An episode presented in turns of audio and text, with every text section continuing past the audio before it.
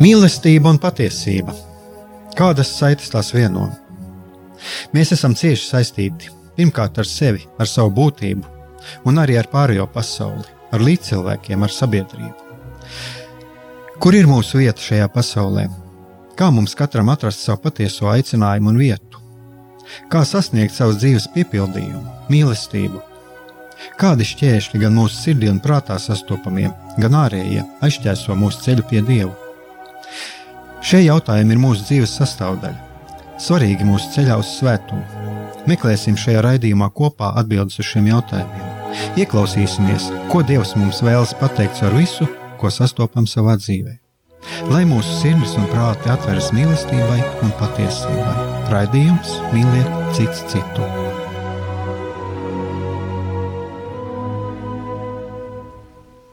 Lai top slavēts Jēzus Kristus, esiet sveicināti, dārgie radioklausītāji. Šis ir raidījums Mīliet citu citu. Studijā esmu es, Aigars Brikmanis. Un šodien nu, tā ir sanācis atkal, kad cilvēks, kura, kuru man, kuru es biju iecerējis šodien uzaicināt, viņam ir jābūt citur, citur ir darīšanas, un līdz ar to nu, ir jārunā man pašam. Un, Un uh, no otras puses, tā bija arī tāda dāvana, ka bija šis maratona laiks, un man bija iespēja pašam pagatavoties vairāk.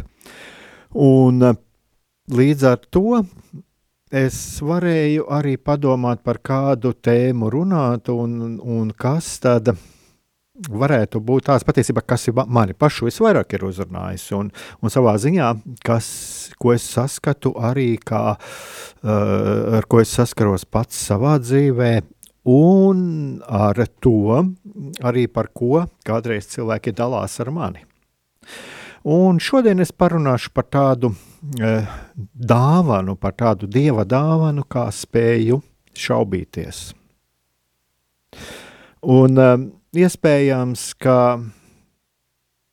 es domāju, ka katrs no mums reizēm piedzīvo šau, šaubu brīžus, un eh, kas attiecās uz sevišķu uz ticību, tad iespējams, ka daudziem no mums, kad mēs piedzīvojam šos šaubu brīžus, es domāju, ka mēs piedzīvojam visi.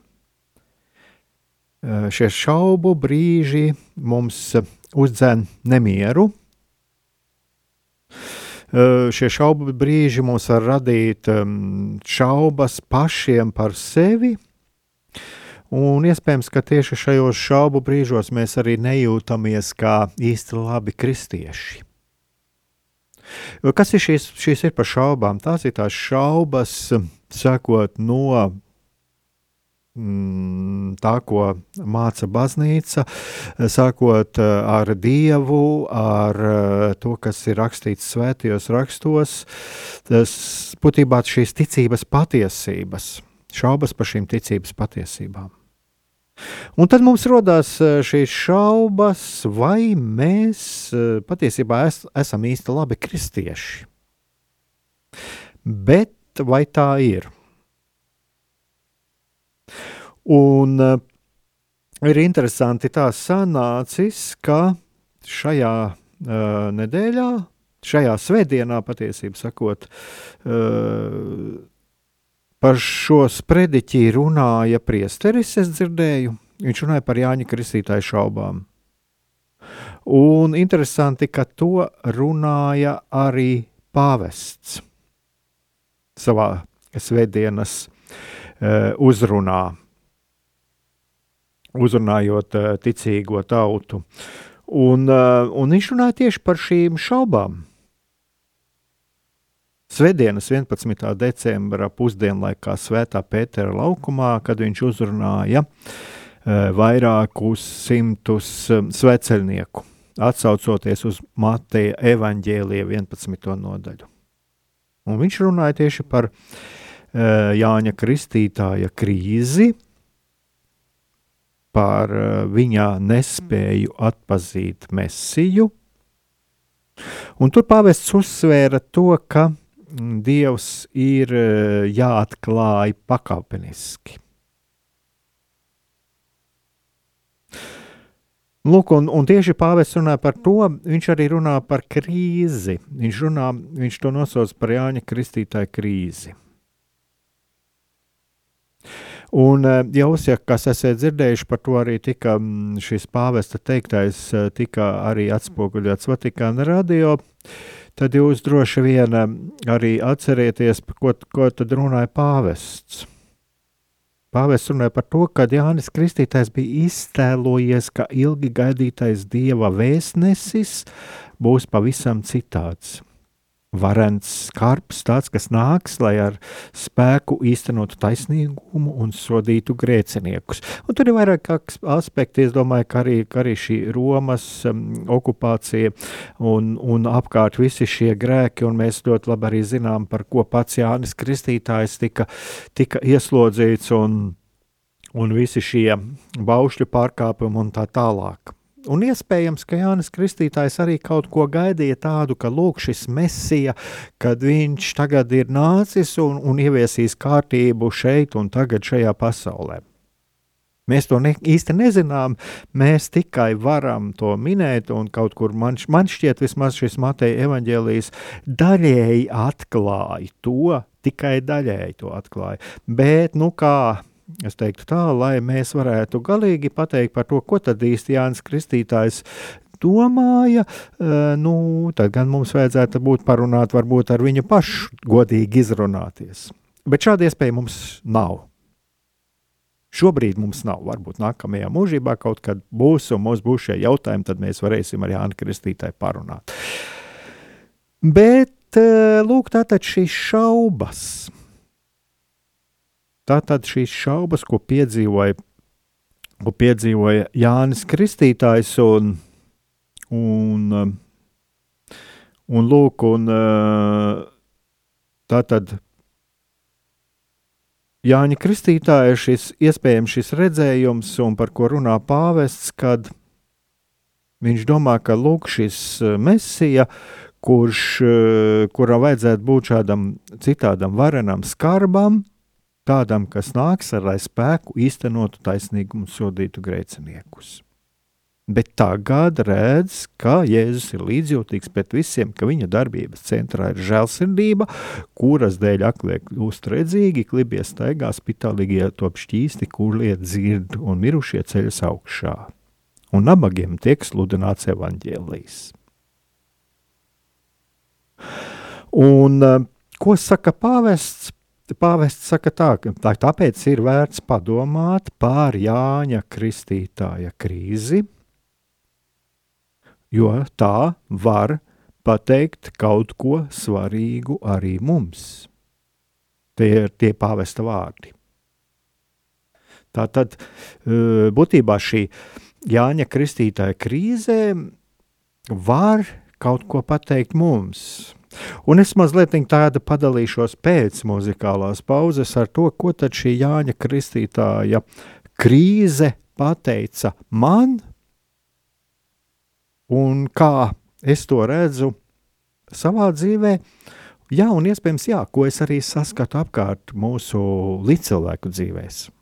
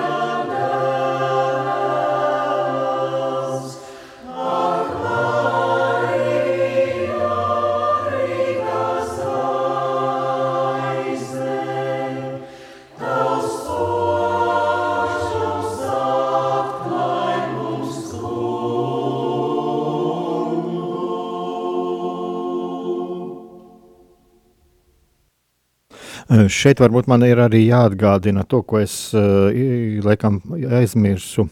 Piebilst, uz ko tad pāvests balstās tieši uz ko. Un pāvests balstās uz šo evaņģēlīju stāstu par Jāni Kristītāju, kurš, būdams cietumā, sūtīja pie Jēzus mācekļus, lai viņiem pajautātu, lai mācekļi pajautātu, vai tu esi tas, kuram jānāk, vai arī mums ir jāgaida cits. Un lūk, un šeit šeit ir tā lieta, kad, uh, par ko pāvests runā. Un, uh, kurš cietumā, cietumā viņš dzird par šiem, tas, tas arī tā ļoti zīmīgi, es domāju, ka jāatgādina arī tas, jo kurā brīdī rodās šīs šaubas. Jo pats uh, Jānis Kristītājs piedzīvo šo netaisnību. Un tajā brīdī viņš piedzīvo šīs šaubas. Un tā tad jā, viņš sūta šos mācekļus, un lai tātad tas ir pilnīgi skaidrs, lai uzdod, ja viņš uzdod šo jautājumu, tātad viņš, viņam ir tas jautājums, ir aktuāls, vai Jēzus ir tas mesija.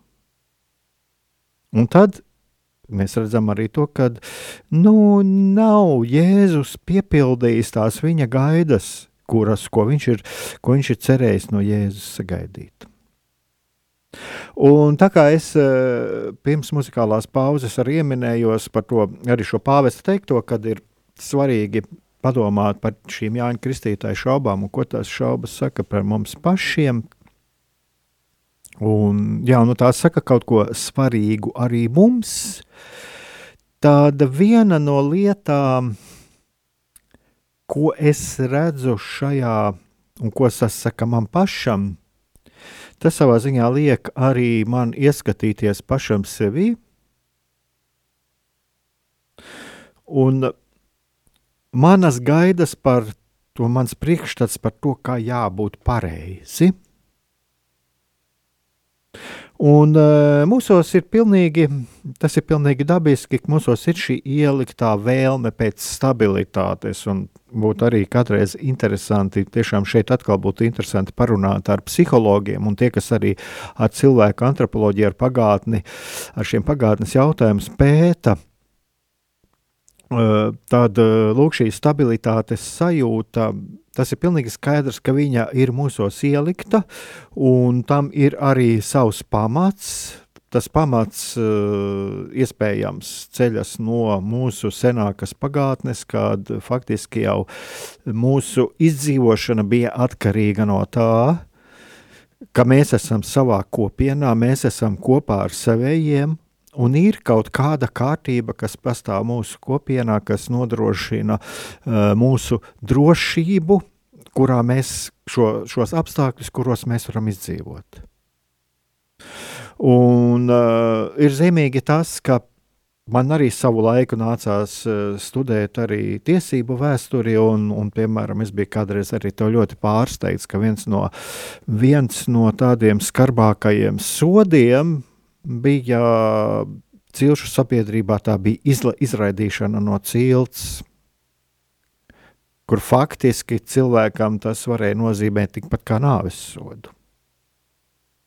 Un, lūk, un šajā ciltī, šajā iekšēnā bija kaut kāda kārtība, kaut kāda, kur, kur katram cilts loceklim bija jāievēro, un, un tas, tas bija sava veida nepieciešamība, lai cilts varētu pastāvēt.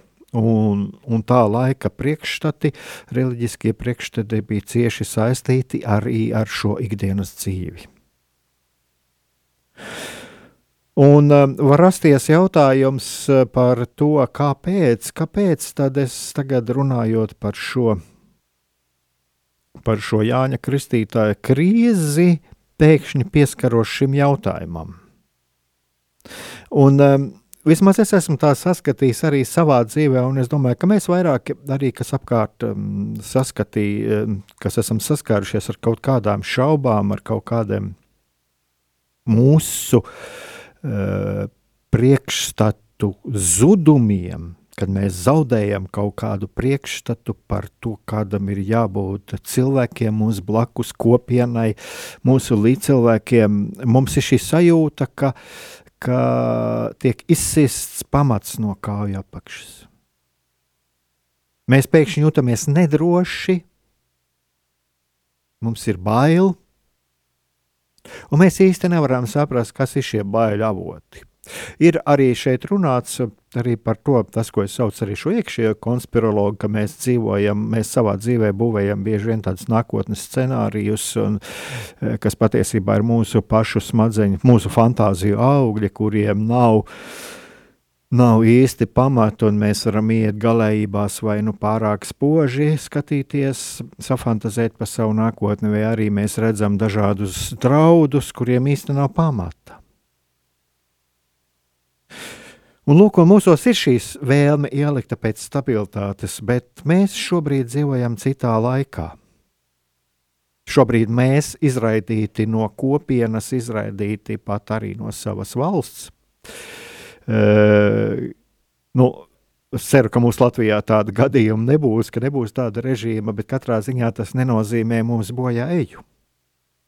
Bet vienalga, mēs vēlamies justies stabili, justies droši, un mūsos ir šī vēlme pēc stabilitātes un mūsos ir šīs prasības, un mēs reizēm gaidām, lai piepildītu mūsu vēlmes, un mēs gaidām arī, lai cilvēki piepildītu mūsu vēlmes. Un kaut kādā ziņā,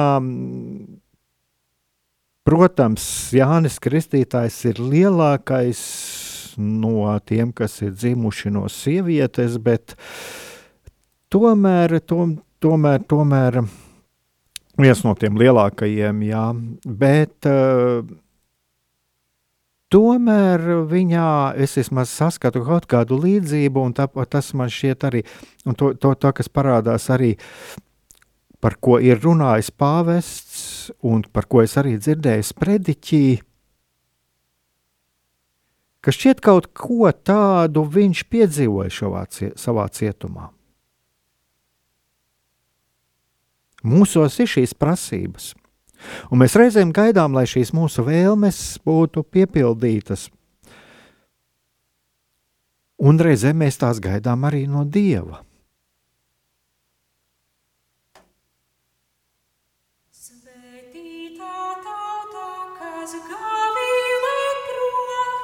Kungs tavā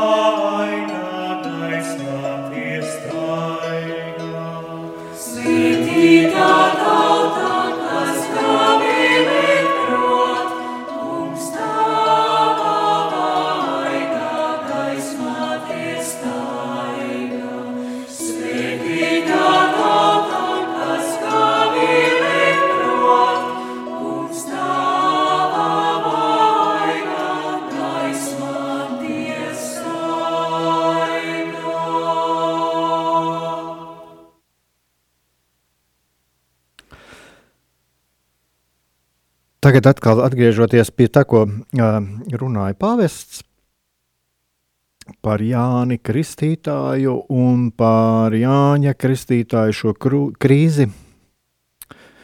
Un, uh, Pāvests arī runā par to, ka evanģēlē ir tieši uzsvērts, ka Jānis atrodas cietumā vietā, kur valda dziļa tumsa, un viņš nespēja neko skaidri saredzēt. Un šis fakts liek domāt par iekšējo situāciju, kādā atrodas Jēzus priekšgājējs. Viņa prāts un sirds bija tādā pašā tumsā, un viņš nespēja atpazīt mēsiju. Šaubu pārņemts viņš sūtīja mācekļus pārbaudīt. Un es domāju, mēs, kas klausāmies, um, jūs, kas klausāties, un, un arī es pats varētu teikt par sevi, ne jau mums obligāti ir jāatrodas uh, fiziski ieslodzījumā, fiziski jābūt kādā cietumā, lai mēs sajustu uh, šo mm, tumsu, šo tukšumu, Es domāju, ka pietiekami daudz mums kādreiz ir apkārt, eh, kaut vai vērojot tās netaisnības, un mēs atkal varam atgriezties pie tām mūsu gaidām, ka mēs vēlamies, lai pasaulē būtu taisnīgums, lai nebūtu, nebūtu ļaunums, un mēs redzam visu šo uh, Eh, karu Ukrainā mēs redzam arī šos netaisnības situācijas, kas mums notiek pašiem šeit atpak, apkārt. Un, un uh, reiz reizē droši vien mēs katrs uzdodam šo jautājumu, kur ir šajā situācijā Dievs un kā viņu mēs nevaram šeit viņu ieraudzīt, atpazīt. Tā tad mēs atrodamies šajās grūtībās, un, ja es atrodos šajās grūtībās, ko man darīt? Un uh, pāvests saka tā, ka mūs pārsteidz fakts, ka, ka tas notika ar Jāni, kurš kristīja Jēzu Jordānas upē un saviem mācekļiem norādīja uz viņu kā uz dieva jēru. Un tiešām, ja mēs paskatāmies, tad šis fakts varētu būt pārsteidzošs. Jo Jānis Kristītājs bija tas, kas atpazina Jēzu. Viņš būtībā atpazina šo, šo mesiju.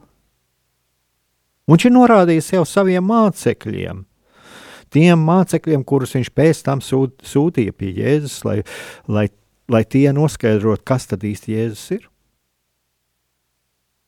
Un lūk, jau pirms šīs savas tumsas, pirms šīs savas ieslodzījuma, pirms šīm šaubām, Viņš jau bija, jau Jānis Kristītājs jau bija norādījis uz Jēzu kā uz, kā uz Mesiju.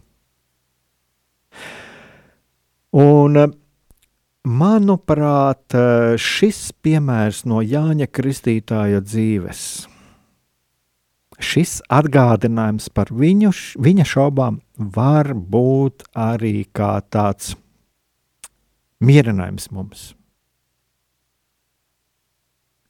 Mierinājums no mums, kas eh, mums var parādīt, ka nav, nav tas, ka mūsu šaubas norāda uz to, ka mēs esam slikti kristieši. Patiesībā var pat būt otrādi. Spēja šaubīties, un tas, ka mēs šaubāmies, var norādīt uz to, ka mēs esam labi kristieši. Un es arī tam mazliet tālāk par to parunāšu. Tātad nebaidīties uh, no šaubām. Nu, šaubas ir daļa no mūsu garīgā ceļa. Un uh, to, kā, kā arī saka pāvests, ka tas nozīmē, ka pat vislielākais ticīgais uh, iziet cauri šaubu tunelim, taustoties iet pretī gaismai. Ja jūs atcerieties, kas esat klausījušies arī šajā raidījumā, ir runāts par to, ka mm, mēs bieži vien saskaramies. Ir ļoti svarīgi arī paskatīties um, svēto dzīves gājumus un vispār cilvēku, ticīgu cilvēku un, un dzīves gājumus, jo sevišķi ar svētajiem mēs varbūt bieži vien redzam šo triumfālo svētumu, eh, mēs redzam šos eh, varoņdarbus, šos panākumus patiesībā sakot, bet mēs eh, neredzam tos brīžus, varbūt nepievēršam tam uzmanību, kad ir šie paši svētie ir piedzīvojuši šaubas, kad viņi ir pieredzējuši arī dažādus paklupienus savā dzīvēm. Un tas nebūtu neno, nenozīmē, tagad, ka es teiktu, ka uh, aicinu, ka paklupienī un, un kluptu un, un, un apzināti meklēt šaubas. Nē. Es runāju par to, ka mēs piedzīvojot to, mums šis cita piemērs var būt kā liels stiprinājums. Un uh, tāpēc uh, Es domāju, ka ir labi apzināties to, kā arī pāvests to atgādināja, un, uh, un mēs katrs varam atcerēties savā dzīvē. Ir situācijas, kad mēs jūtamies, uh, piedzīvojam dieva klātbūtni, mēs jūtamies pacelāti, mēs jūtamies garīgi pacelāti, bet pēc kāda brīža, kādā nākamajā dienā mēs pēkšņi varam justies atstāti. Mēs piedzīvojam šos krīzes brīžus, gan varētu tie, tie būt gan kaut kāda ārēja apstākļa ietekmēti, gan arī garīga atstātība, kuras iemeslus mēs pat īsti nezinām. Tātad mēs apzināmies to, ka mūsu panākumi, un šeit es arī šos panākumus pat mazliet lieku pēdiņās, Bet katrā ziņā mēs acīm redzami, mēs tos redzam, šos panākumus. Tātad šie mūsu panākumi arī garīgajā dzīvē mūs no tā nepasargā. Lai kādi būtu šie mūsu panākumi, mūsu garīgajā dzīvē, mūs nepasargā no šīm ticības krīzēm. Viņi nedod šo garantiju, ka nebūs, nebūs šīs krīzes. Un eh, šajā gadījumā svarīga ir mūsu attieksme pret šīm situācijām, pret šiem brīžiem. Jo no tā, kāda būs mūsu attieksme, ir arī atkarīgs, kādus lēmumus mēs pieņemam. Kādi šie mūsu lēmumi un kāda veidosies mūsu nākotne?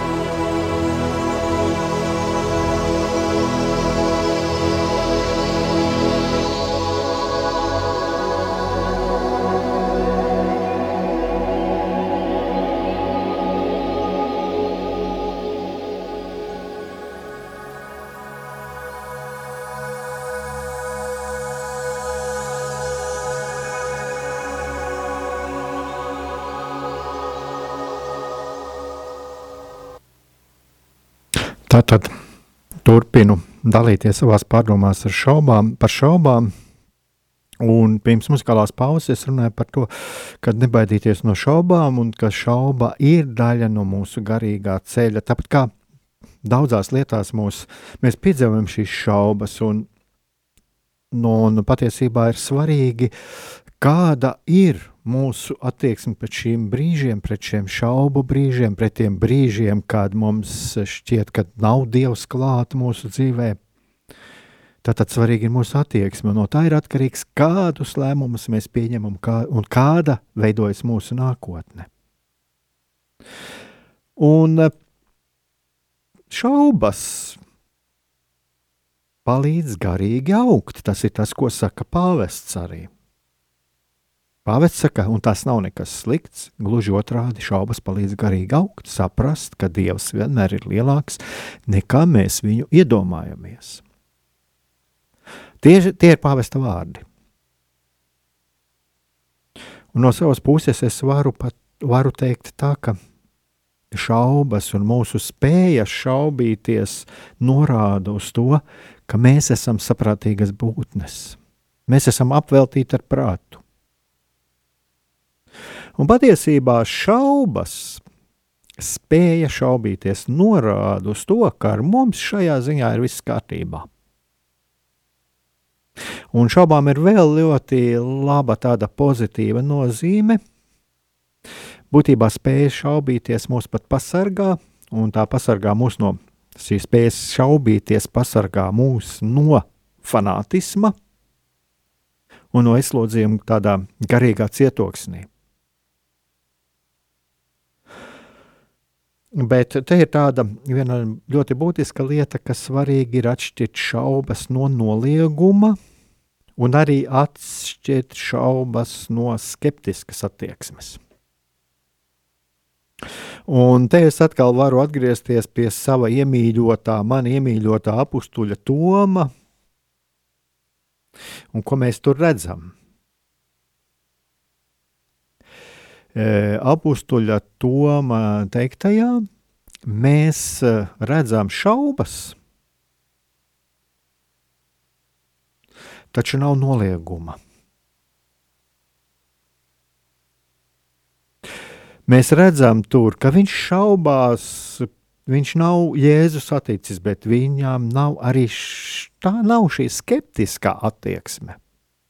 Tas ir šaubas.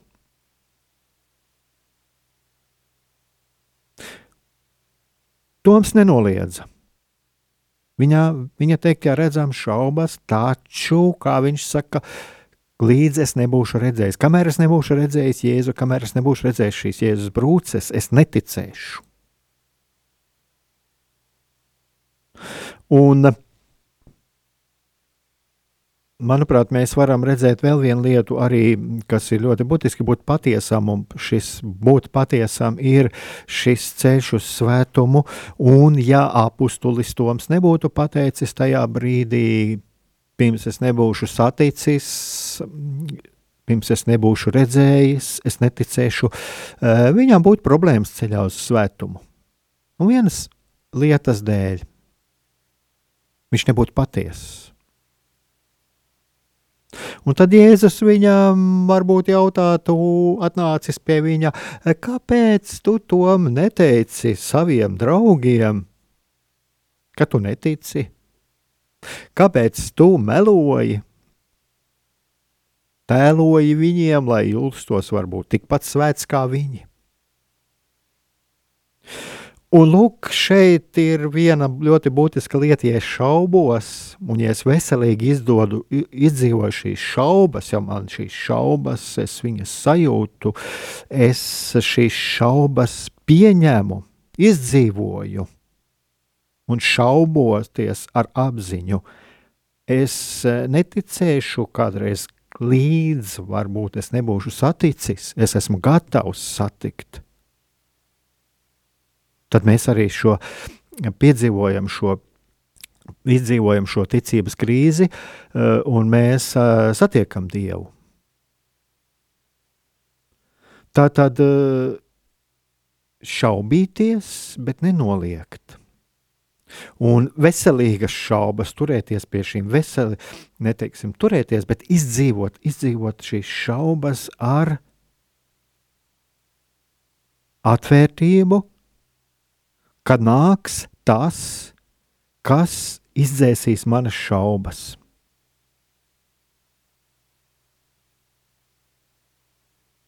Ar to ticību, ka, ka arī ar šīm gaidām patiesībā uz to, ka mēs piedzīvosim šīs dieva, šos dieva darbus savā dzīvē. Tātad atšķirt šaubas no nolieguma un būt atvērtam arī šajā šaubu brīdī. Un kā arī runāja pāvests, pāvests runāja, atkal es paņēmu tieši to šo um, citātu no tā, ko runā pāvests. Viņš runā par to, ka tieši tā rīkojas arī Jānis Kristītājs šaubu pārņemts. Viņš nepārstāja meklēt Jēzu. Tātad viņš nepārstāja meklēt Jēzu, jautāt, diskutēt ar viņu un beidzot atpazīt viņu no jauna. Jānis, par, par kuru Jēzus saka, ka starp tiem, kas dzimuši no sievietēm, nav, neviens nav lielāks, aicina mūs neieslēgt Dievu savās aizspriedumu stingrajās schēmās. Tas ir tas, par ko runā pāvests. Un, lūk, tā tad Jānis Kristītājs nepārstāja meklēt. Tātad tur, kur meklē, tur, kur ir šaubas, tur mēs nepārstājam meklēt. Un e, šeit es varētu arī tādu teikt, e, šie vārdi, ļoti vienkāršie vārdi, kas meklē, tas atrod. Un mēs, mēs nevaram zināt, kā Dievs mums atklāsies, vai caur kā, kādu ārēju ar mūsu maņām uztveramu zīmi, vai arī kaut kādā veidā noslēpumi, noslēpumaini kaut kur, kaut kur mūsu sirds dziļumos, kur mēs varam sajust kaut kādu atklāsmi, ja tā ir Dieva griba.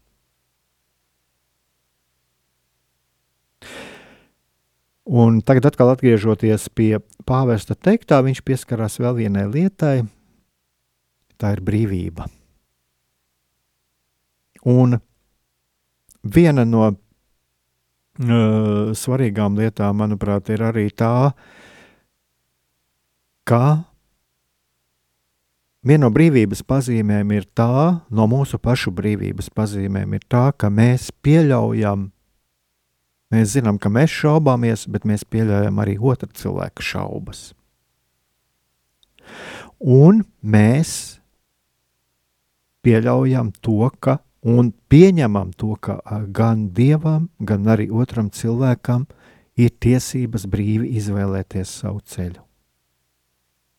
Un tagad, atgriežoties pie pāvesta teiktā, ko saka pāvests, lūk, šeit pāvesta citāts.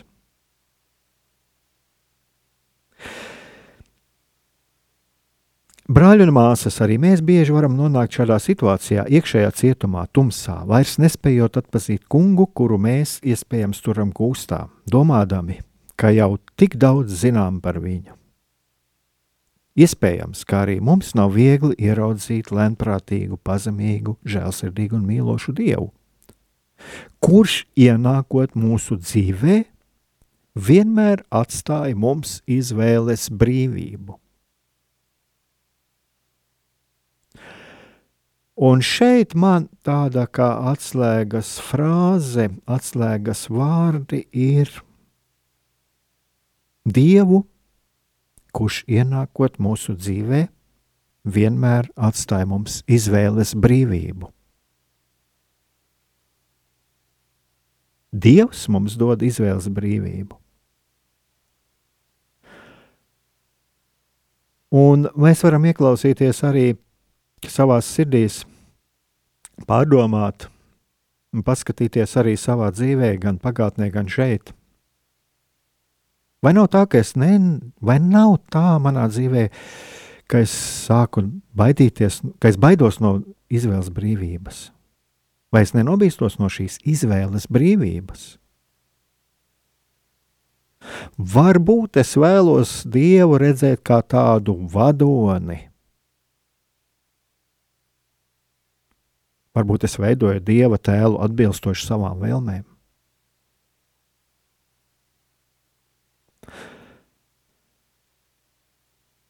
Ir situācijas, kurās mēs jūtam dažādas aizvainojumus, nemieru. Mūs satrauc arī kādreiz citi cilvēki, cilvēki, kuri domā citādi. Un iespējams, mēs sajūtamies reizi reizē pārāki savā pareizībā. Bet šajās situācijās, kurās es jūtu šo aizvainojumu, šo nemieru pret šiem citādi domājošajiem, un tajās situācijās, kad es jūtos pārāk savā pareizībā, man tomēr ir jācenšas saprast, vai tas nemieris, ko es sevī jūtu, nav kaut kas tāds, kas var traucēt manas paša dzīvi. Un vai šis nemieris nav tas, kas patiesībā man traucē ieraudzīt Dievu savā dzīvē? Vai šis nemieris nav kaut kas tāds, ko, kas man, man apstādina manā garīgajā ceļā, un vai tas neaizņem, neatņem manis paša brīvību? Nemieris eh, un visas šīs izjūtas, viņas var būt mums kā tāds eh, ļoti labs, eh, laba lieta, kas norāda uz to, ka mūsu dzīvē kaut kas nav kārtībā, ka mūsu dzīvē ir kaut kas jāmaina. Bet vai nav tā, ka reizē mēs iegrimstam šajā nemierā, mēs iegrimstam savā aizvainojumā, un patiesībā mēs nemaz negribam no tā atteikties? jo tas ir kaut kas, kas uh, man uzbūvē viltus drošības sajūtu apkārt. Es jūtos kaut kur savējs, starp savējiem, es jūtos kaut kur pārāks, kaut kur labāks. Es piederu kaut kādai iluzori izdomātai sabiedrības labākajai daļai.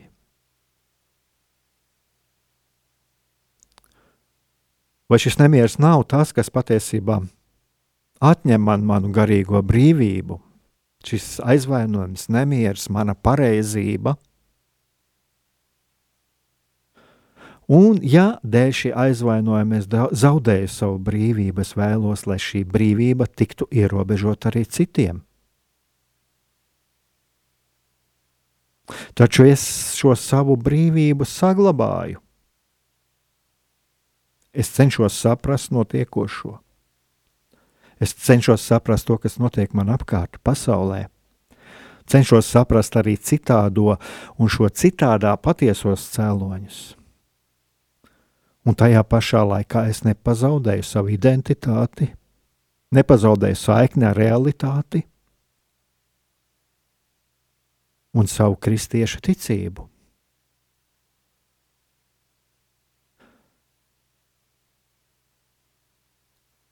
atkal atgriežoties pie pāvesta teiktā, ko pāvests saka, mēs gribam jautāt, tas ir pāvesta vārdi. Vai patiesi tu esi tik pazemīgs Dievs, kurš atnāca mūs glābt? Kaut kas līdzīgs var notikt arī attiecībā uz mūsu brāļiem. Mums ir savi priekšstati, savi aizspriedumi, un nereti mēs pakar, piekaram stingras etiķetes citiem, īpaši tiem, kuri mūsuprāt atšķiras no mums. Tas ir pāvesta teiktais. Tātad, vai nav tā, ka mēs šīs etiķetes, savus pareizības priekšstatus uzkaram citiem? Taču patiesībā mēs, es domāju, ka mēs visi esam aicināti uz šo brīvību, uz šo patieso savu garīgo brīvību, kur mēs izvērtējam lietas, kuras mēs varam mainīt, kuras mēs nevaram mainīt, tās mēs atstājam Dieva ziņā. Bet mēs cenšamies saprast to, kas notiek apkārt. Cenšamies saprast to, kas ir citāds, tā cēloņus, Taču mēs nepazaudējam, jo mēs esam patiesībā, ja mūs esam brīvāki, jo vairāk mēs varam izdzīvot un veselīgāk izdzīvot un jēgpilnāk izdzīvot savu kristiešu identitāti un šo saikni, nezaudēt saikni ar realitāti, būt šajā saiknē ar realitāti un izdzīvot patiesībā un mīlestībā ar savu kristiešu ticību.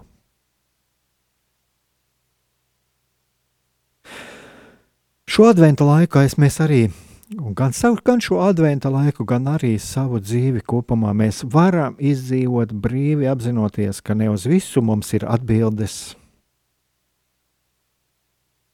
Ne uz visu mums ir atbildes uzreiz.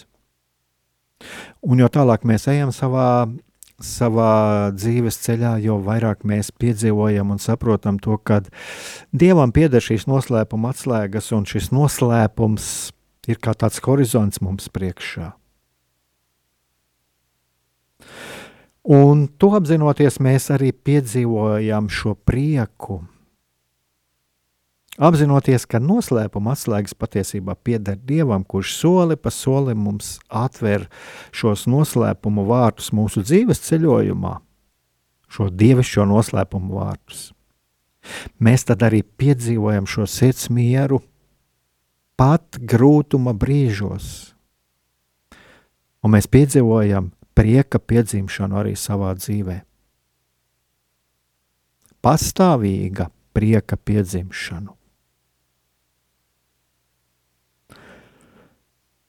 Un tāpēc es gribētu noslēgt šīs savas pārdomas šodien ar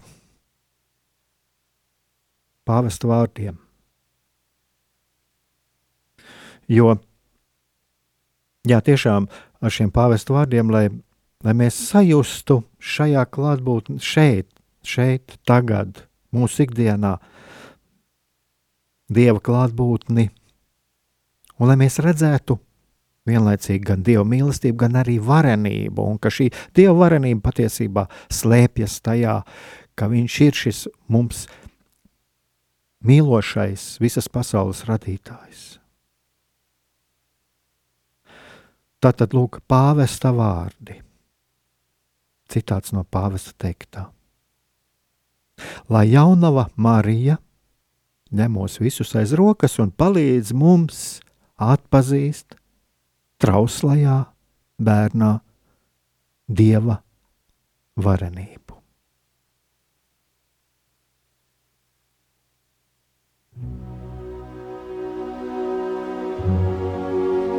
Mīlestība un patiesība.